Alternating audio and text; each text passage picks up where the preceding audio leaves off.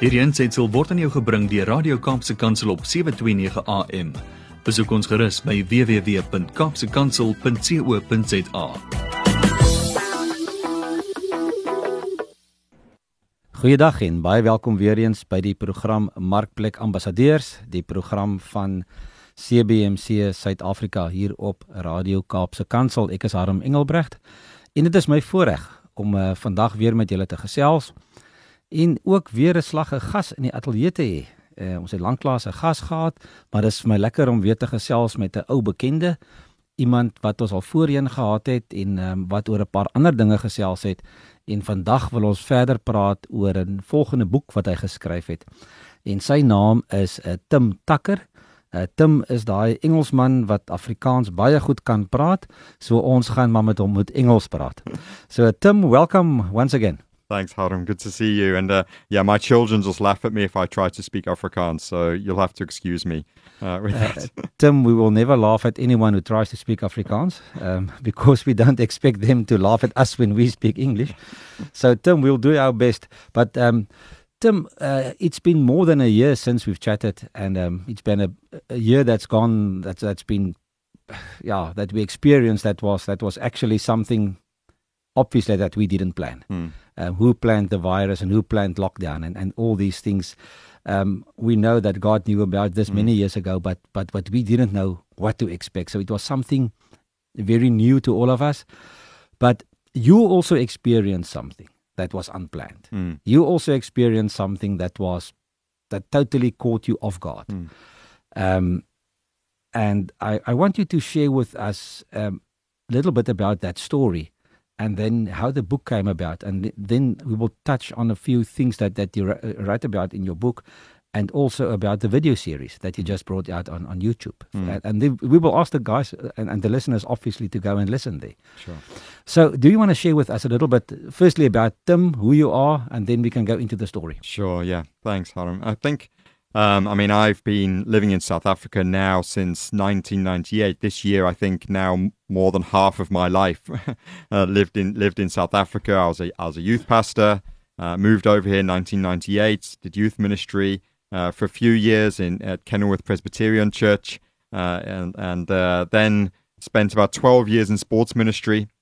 And so, very much working with young people, finding effective ways to reach them with the gospel and provide them a platform to flourish in life. That's my heart and my passion. And for the last seven years, that's been with a ministry called the Message Trust, uh, based out of Mowbray, Cape Town. Uh, but we work across the Cape Flats in tough neighborhoods. And we really want to provide an environment for young people caught up in destructive life cycles and uh, kind of victims of, of, of being caught up in poverty, uh, gang infested communities, crime.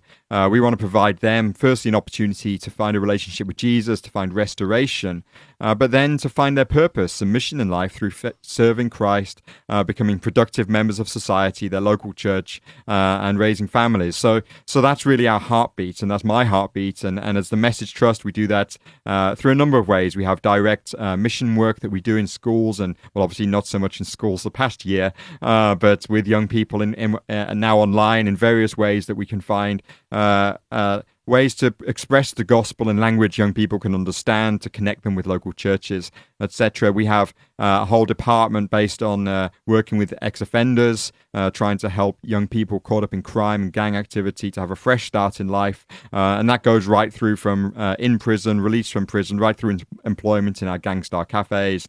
And then we our third thing that we do is really involved in community development. So we try and uh, devolve what we do into communities so that we have what we call our community hubs in Nyanga and, and Parkwood and some tough communities where we raise up missional volunteers who will serve in those communities long term. So that's my heartbeat, raising up transformational leaders. When I've chatted to you before, we've talked about servant leadership, we've talked about some of the things that are really uh, what we feel are the biblical framework that Christ has given us uh, that we want to imbibe through the ministry that we do. So that's that's a little bit about who I am. But then in in uh, 2016, as you mentioned, my life was was turned upside down in a moment. Really, I, I, I have already mentioned I came to South Africa in 1998. Not only did I fall in love with the country, of South Africa, but I also fell in love with a, a young lady who was South African. And in 2000, we got married.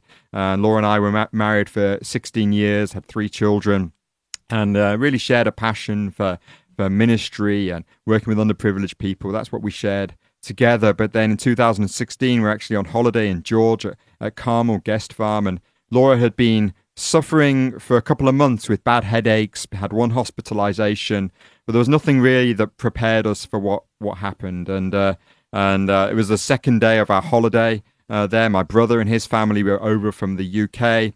Uh, we'd spent a perfect day on the beach uh, on the 17th of, of 16th uh, of August 2016. But then in then the next day, um, as I returned from the shops, um, my sister-in-law met me and, and said, uh, Laura's had some kind of attack, some kind of episode. Um, and we, we rushed her to the hospital. Uh, by the time we got to the hospital, she passed out.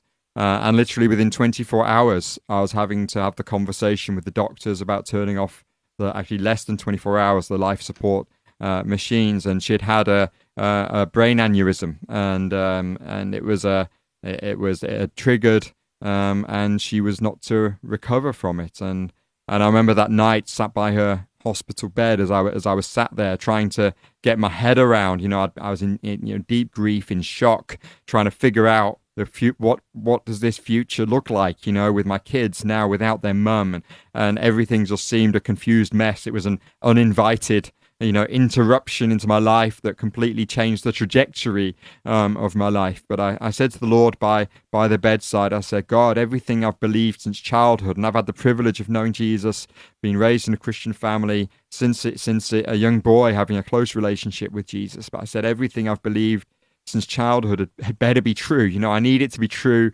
uh, now more more than ever, and so that was really my journey, the start of this journey that I describe of, of grief and grace, you know, and, and when I wrote the book in 2000 and um, I released the book, I think in 2019, it was, um, it was, it chronicles really the six month period, a little bit around the story of, of what happened with Laura's passing and the events that transpired around that time. But then the six month period where I experienced deep grief, um, but at the same time, uh, experienced the grace of God in, in, in ways that I would never have imagined. Um, and so, so that's really the story as it as it unfolded, and, and how God has led me over this past four or five years. I say, you know, grief is not something you get over; it's something you continue to work through. And as, as I've continued to work through it, I've also had the privilege of being able to share uh, what God has been doing in my own life uh, to try and provide encouragement and hope to others. Um, Tim, you, you mentioned a lot of things, and, and, and, I, and a few questions popped into my head. And, and the first thing I want to ask you is um, the reaction of your kids. You had three small children at that stage. Yeah. Uh, well, not so small. The one was a bit smaller than the, than the rest, but but you had to carry on as a as a single parent, mm. and and not only look after the kids but also encourage them, mm. also help them to understand what's going mm. on. Mm. How difficult was that process for you? Yeah, I mean, extremely difficult. So, so my youngest was eight years old, and uh, and then uh, my middle born was eleven, and my oldest was thirteen. So still, still quite young, you know. And and Laura had been homeschooling them, so she was incredibly in, involved in their lives, you know. And um, and um, you know, one thing I was able to say to them is, I, I said, you know, you've actually had more quality time with your mum um, than many children do in a lifetime, you know, so we've got to be grateful, you know, for the investments she made. And, and I often say they're their mother's children. I see so much of her in them every day. Um, but, you know, children respond. I mean, firstly, they're incredibly resilient. Uh, and in some ways, I learned a lot from them and, and their faith in this and how God spoke to each of them individually. Um, but as they've got older, the way they've expressed their grief and their understanding has meant that they go through different phases of grief. And one thing I do say is I don't try and tell their story. You know, one mm. one the time is going to come when when they will be able to tell their own story and articulate it. Uh, and I'll probably get some surprises at that point. But I know one thing they've expressed to me is one of the things they found hardest was seeing my grief as well. You know, um, and so you know, you've I, we, we we were in it together. You know, I I, I started calling us at, at that point uh, Team Tucker. You know, me and the three kids as a single dad trying to find an identity for us together. And I said, we're Team Tucker, and we're going to get through this uh, together, um, one one step at a time. And I think, um, you know, in one ways, the children it reminded me of the pain of what we're lost, but on the other angle, they were actually a tremendous means of grace because it gave me a purpose. You know, I, I had to get through each day because the children needed me, you know, and our relationship, I think, really strengthened in, in those years. Um, and uh, and so that was that was an incredible blessing. Um, and and I, you know, I, I adapted the the phrase. You remember the the bracelets we used to wear in the nineties that said WWJD. What would Jesus do? Well, I I, I changed it to WWLD. What would Laura do? Uh, to help me understand and think how do I now raise the children? You know, how do I provide continuity and stability for them? And there was a lot of change for them. Uh, but I think, yeah, they were they were definitely a means of grace to me and a and a blessing and and obviously continue continue to, to be so. But yeah I saw God sustain them. I saw God strengthen us uh, through through that time and and help them um, which was which was incredibly encouraging. I mean one one very quick story. Even even in the hospital and again this is a means of grace. Even in the hospital the nurse who was helping me and uh, Laura and tending to Laura while she was unconscious and talking to me through the night shift um, she told me she said you know she had just married a man who was a widower and had children. Um, and she said to me, You will be amazed at how your children have a gravitas to their character because of what they've been through. You know, and, and in some ways, it wasn't easy at the time for me to hear that because uh, I didn't want to think of them going through the pain in order to get that character. Um, but it, but I've thought back to that moment and the very fact that there was a woman who was there uh, caring for Laura, who understood also what I was going through to some measure and able to give me that comfort around the children. And I've seen that come through. I've seen that bear out over the last four or five years that you know there is a gravitas to their character that God has formed because of the resilience they've shown as they as they as they've continued to go through this. And obviously, by being a close knit family and doing things together, it also helped you. And and you spent much more time alone with the kids then. Yeah. Uh, um, I remember in one of the in your video series you, you talk about you you went surfing with the kids actually yeah yeah and that, and that was it i think uh, again i was b- blessed in that the ministry uh, understanding the circumstances the chairman of my board immediately said to me this was this was august it happened he said to me you know uh, you're free until january to do to, to, care for the kids. You need to find schools for them. You know, so I was only involved at a very high level, board meetings and a few other things. Um, actually, at the time, I was also studying to complete my PhD, so I, I took that as a distraction uh, for myself. Got through, got through that, um, and and the day to day operations of the work were handled handled by my leadership team, which gave me the freedom. Again, it was a means of grace to really focus on the kids, uh, to work out the future with them, what that was going to look like, and like you said, spend time, do the things. You know, um, daddy daddy homeschool looked a lot different than mummy homeschool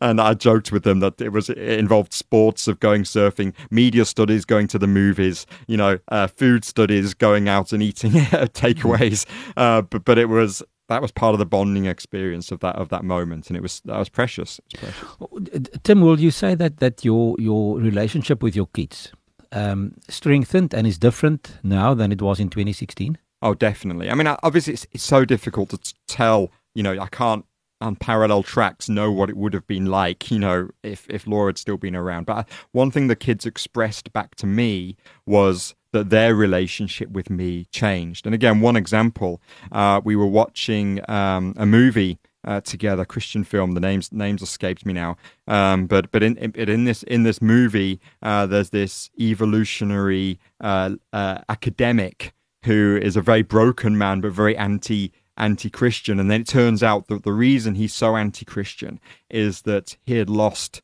his mother to cancer when he was when he was a child. Fictitious fictitious story. Um, but um, uh, but I watched this with the kids. Someone recommended we watch watch this film, and I was watching. I think how they're going to relate to this, you know.